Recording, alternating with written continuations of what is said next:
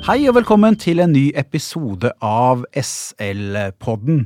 I dag så er det frontfagsmodellen som er eh, tema, eh, og for å belyse litt eh, om hva det egentlig er for noe, så er vi så heldige at vi har fått med oss Pål Skarsbakk, som er daglig leder i LO kommune. Velkommen. Takk for det. Vi har også med oss første nestleder i Skolenes landsforbund, Jon Oddvar Holte. Velkommen til deg òg. Tusen takk. Jeg tror vi starter med deg, Pål. Du, du, jobber i LO kommune. Du, hva, hva, driver du med der? Ja, si det, du. Mye. Eh, nei, eh, hovedansvaret mitt er jo å koordinere eh, posisjoner og forhandlinger på vegne av forbundene i LO kommune, som jo er LO kommune er jo en sånn sammenslutning. Så vi lager felles krav, vi diskuterer strategier, og vi tar beslutninger i en forhandlingsprosess eh, som et kollegium da, inn mot eh, KS. Så vi er én av fire sammenslutninger. Vi har Akademikerne, YS, Unio og LO kommune. Der eh, LO kommune er den desidert største blant de fire. Mm. Så rett og slett den eh, sammenslutninga som jobber for LO i tariff- og lønnsforhandlinger? Ja. ja. på vegne av uh, forbundet. Mm. Og så Her er jo litt teknisk, men det er jo sånn at vi forhandler som en hovedsammenslutning, men hvert enkelt forbund har jo et selvstendig partsforhold inn i avtalen. Så her er det jo hva skal jeg si, kompromisser og samarbeid for å komme frem til en felles avtale. Men i prinsippet så kan en av forbundene bryte ut og ikke akseptere det som vi fremforhandler. Ja. Eh, og Jon Oddvar, hva er SL sin rolle i LO kommune? Nei, vi, jo, vi, starter jo sånn som vi hadde nå i begynnelsen av januar, en strategisamling. Eh, der vi liksom ser på veien videre mot hovedtariffoppgjøret. Og så er det jo da å jobbe litt mot inntektspolitisk utvalg, som da setter eh, på en måte inn mot sekretariatet. Eh, som da vedtar da eh, de føringene vi skal ha i hovedtariffoppgjøret. da. Så det er liksom veien. Pluss at da når vi kommer mot hovedtariffoppgjøret, så blir jo da å samles på huset, som man sier, og begynne å starte å forhandle og levere krav 1 som kommer fra de forskjellige forbundene som blir lagt inn i krav 1, da, som mm. da går inn i, i hovedtariffoppgjøret som vi forhandler på. Ja, og vi skal komme litt tilbake til det etter hvert, altså hvordan gangen i lønnsforhandlingene og tarifforhandlingene er. Eh, men et uh, veldig viktig begrep her, det er jo frontfagsmodell. Mm. For det er jo grunnlaget for hvordan vi forhandler lønn eh, i Norge. Mm. Kan du fortelle hva, hvordan fungerer frontfagsmodellen på? Skal du ha den lange eller den korte versjonen? Vi, vi starter med den korte, så ser vi om vi tar påfyll, påfyll etter hvert. Uh, ja, det er fristende å ta den lange, da. Men for å ta den korte, så er det jo sånn at i Norge så har vi en eh, koordinert lønnsvekst på nasjonalt nivå.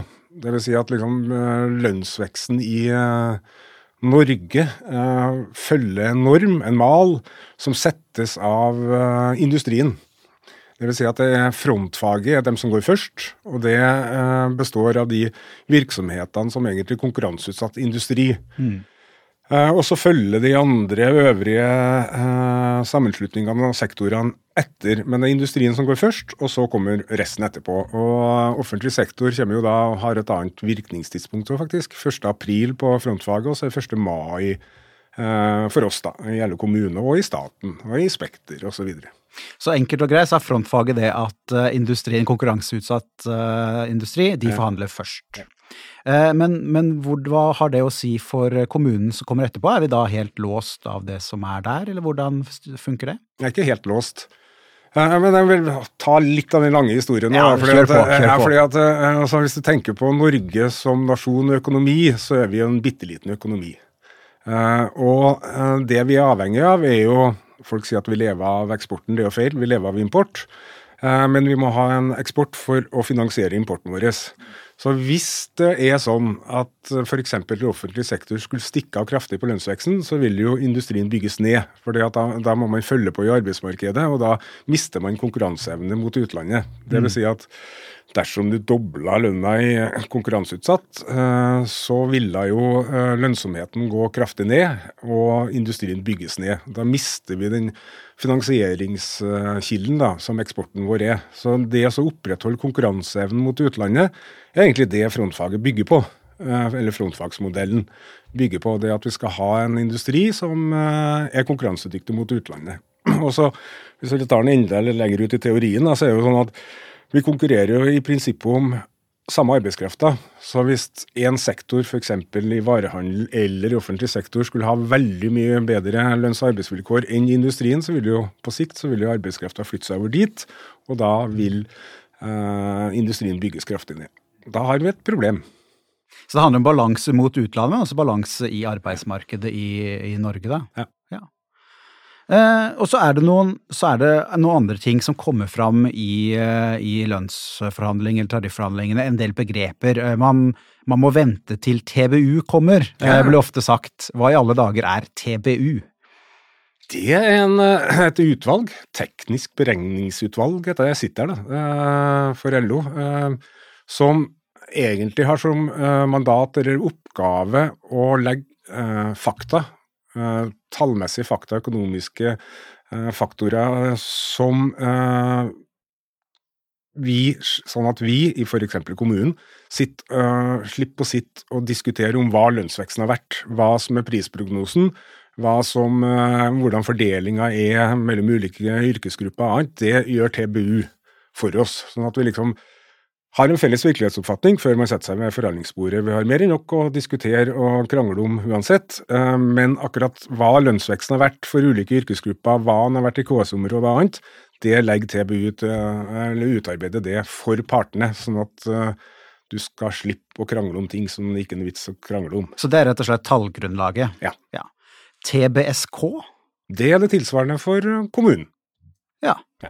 Enkelt og greit. Enkelt og greit. Er det det samme som uh, utarbeider dem? Nei, det er det ikke. Det er en annen gjeng som sitter i TB Eskon i TBU. altså TBU består jo av partene i arbeidslivet, dvs. Si både arbeidsgiversida, altså alle, og arbeidstakersida, pluss uh, byrå og finansdepartement og, og, andre som sitter der og lager den rapporten som er ganske omfattende. Mm.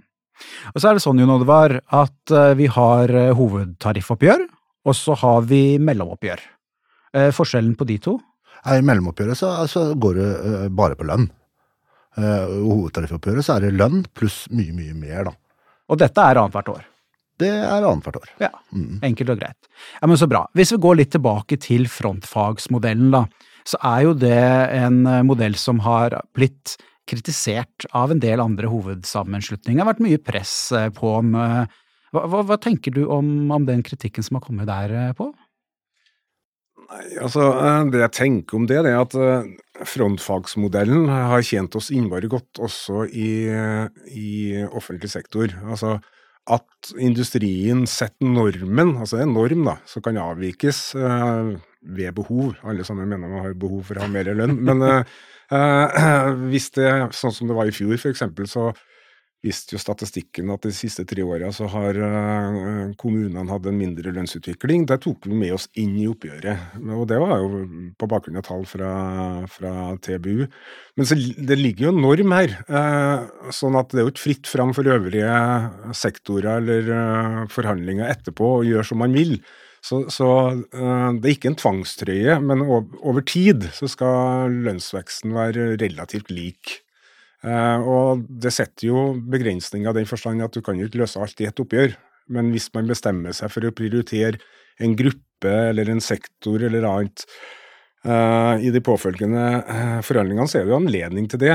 Men altså, kvant kvantesprang er jo et lite sprang, da. Men altså, å gjøre en revolusjon er relativt krevende, for den normen ligger der.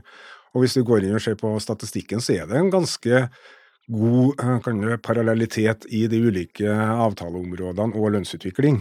Eh, alternativet er jo frislipp av eh, forhandlinger etter si, styrke for yrke eller fagforening. Og da får vi en helt annen lønnsfordeling og en helt annen si, garantier for øvrige områder som ikke tjener oss, tror jeg. For da får vi en situasjon med økt ulikhet etter eh, situasjonen i arbeidsmarkedet for enkelte grupper. Og enkelte grupper vil da ikke ha den samme posisjonen og ha en svakere lønnsutvikling. Kan du utdype litt hva du mente? Altså, hva er alternativet? Er det gruppe mot gruppe, da? Eller? Ja, det er gruppe mot gruppe. Det er hver mann for seg sjøl. Uh, og avhengig av si, styrken og situasjonen i arbeidsmarkedet, så vil jo det variere over tid. Uh, da blir det en langt mer eh, markedsstyrt lønnsfastsettelse enn gjennom kollektive nasjonale forhandlinger. Så det er jo, det er jo en eh, si, balanse opp mot markedsstyrt lønn, der eh, enhver mann er sin egen lykkesmed. Mm. Eller hver gruppe sin egen lykkesmed. Har vi sett noe, noe eksempler på det fra utlandet, Jon Oddvar, hvor lærergrupper liksom har, står i, i, i, kamp mot andre grupper i samfunnet for å kreve sin, sin lønn? Det er stort sett hele Europa, tror jeg. England er et veldig godt eksempel. De har jo ikke hatt lønnsutvikling på tror jeg er nesten snart ti år. Eh, fordi de står alene. Da. De har ikke det systemet vi har.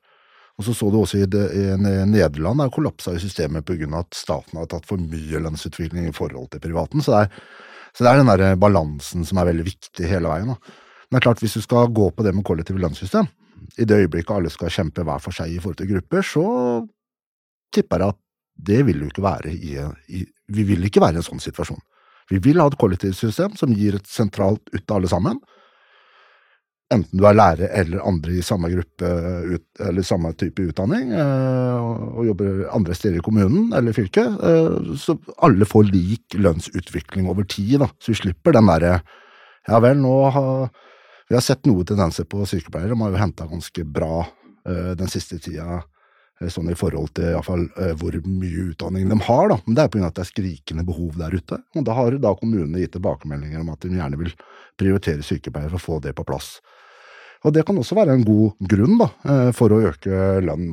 men stort sett så er det dem som har gått vinnende ut de siste åra, sånn som vi leser i Skolenes landsforbund iallfall. Det, så det er jo en del av Uno-gruppa, da. Jeg tror Uno faktisk har stukket av med mer penger enn det LO har gjort eh, sånn over litt tid i forhold til sykepleiere.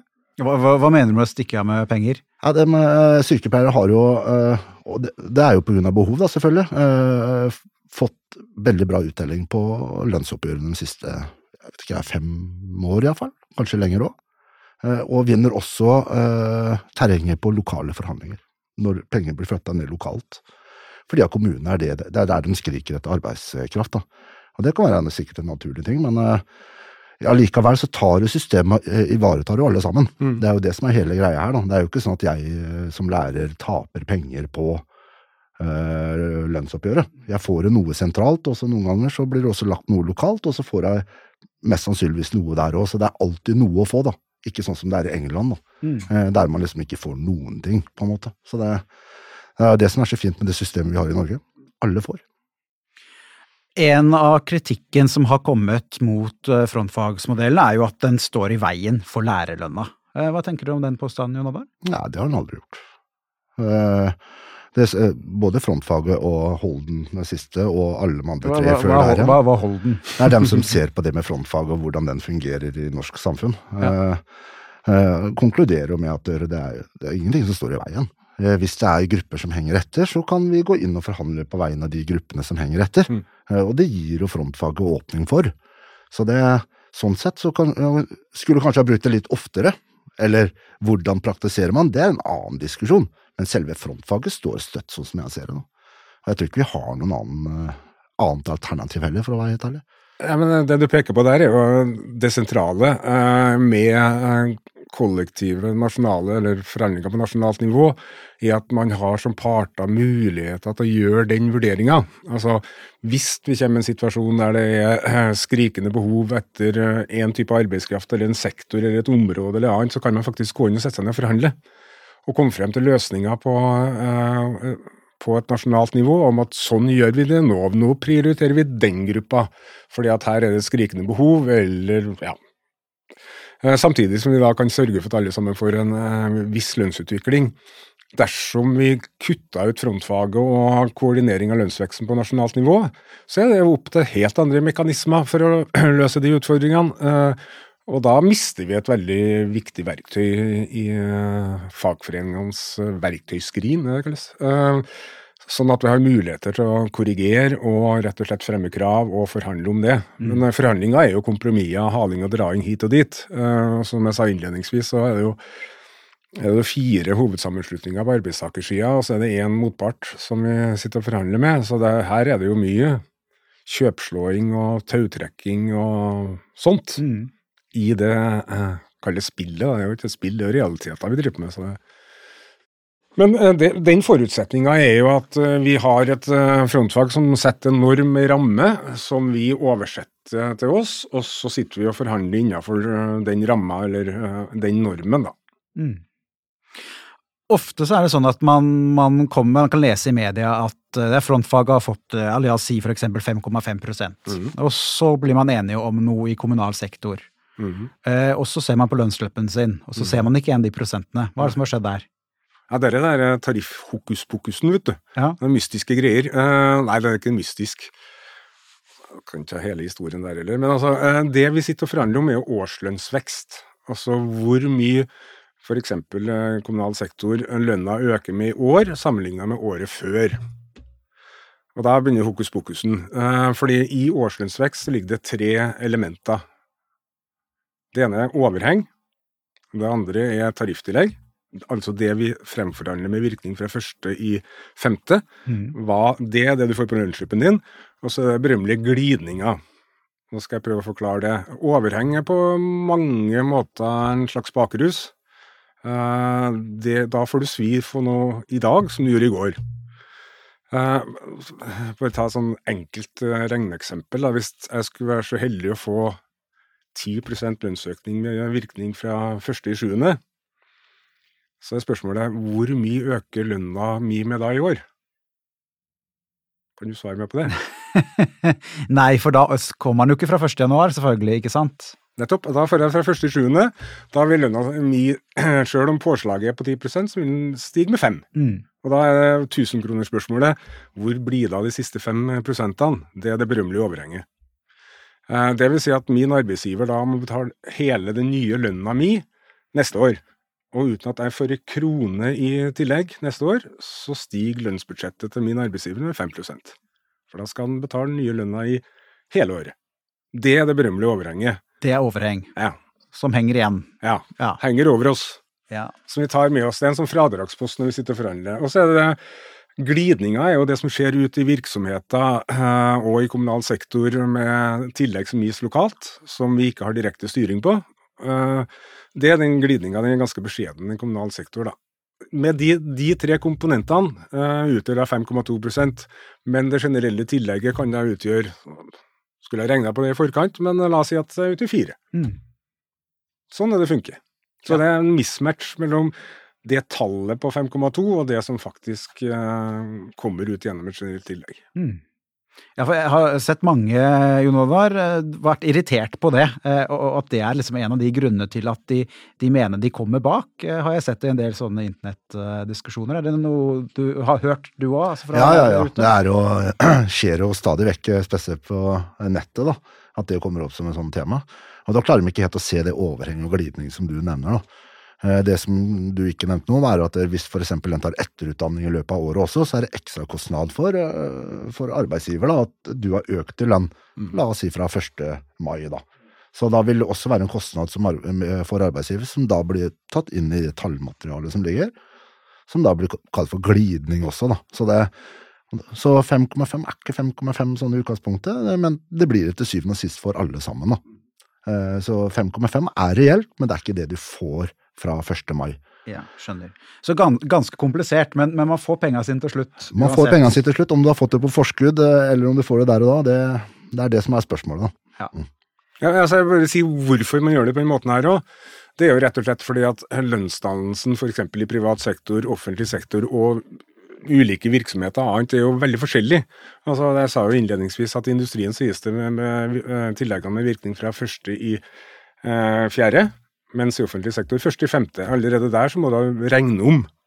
Fordi at uh, det virker færre uh, måneder i året enn i, i, i, industrien eller i privat sektor. Så, så uh, hele ideen bak den måten å forhandle på er jo for å kunne sammenligne ulike oppgjør. Vi regner det om til en sånn sammenlignbar størrelse, sånn at vi kan si at nei, nå har kommunal sektor et etterslep som er så og så stort, det må vi ta igjen i oppgjøret. Eller andre har et forsprang som er så så stort, så det gjør vi ingenting med. Men eh, det er en helt annen sak. ja. men, men, det er, nå har du sagt det et par ganger, jeg syns det er greit å få poengtert altså det med grupper som henger igjen. Ja. Det er bakt inn i systemet at man, at man får, får, justert det. Ikke ja, sant? Ja. Ikke automatisk, Nei. det er grunnlag for forhandling, mm. rett og slett. Krav og tilbud og Og så er det jo sånn at nå er vi jo i, er vi jo i snart i gang, eller man er kanskje allerede i gang, med tarifforhandlingene. Hva er gangen i tariffoppgjøret? Når starter man på året i kommunal sektor, da? Det varierer jo altså, hva du definerer som start her. da. Eh, for Hvert enkelt forbund har jo sine egne interne prosesser med å meisle ut hva som er prioriterte områder og, og, hvilke krav vi skal fremme i år og sånt. Eh, men altså, vi begynner jo, nå husker jeg ikke vi har avtalt som forhandlingsstart er jo som regel i april etter at industrien er ferdig. Det er en sånn forutsetning. Vi skal ha industrien på plass først, og så begynner vi å forhandle. Men det er jo rent Eh, da vi setter oss ned ved bordet og snakker med motparten. Eh, men det skjer jo mye før det. altså Det jobbes jo I LO så jobbes det nå inntektspolitisk utvalg som skal lage en uh, uttalelser som skal vedtas på uh, repskap i LO. Det var den 20. Ikke? februar. 20. februar, ja. 20. februar. Teknisk beregningsutvalg har starta sitt arbeid, som skal avlevere sin rapport.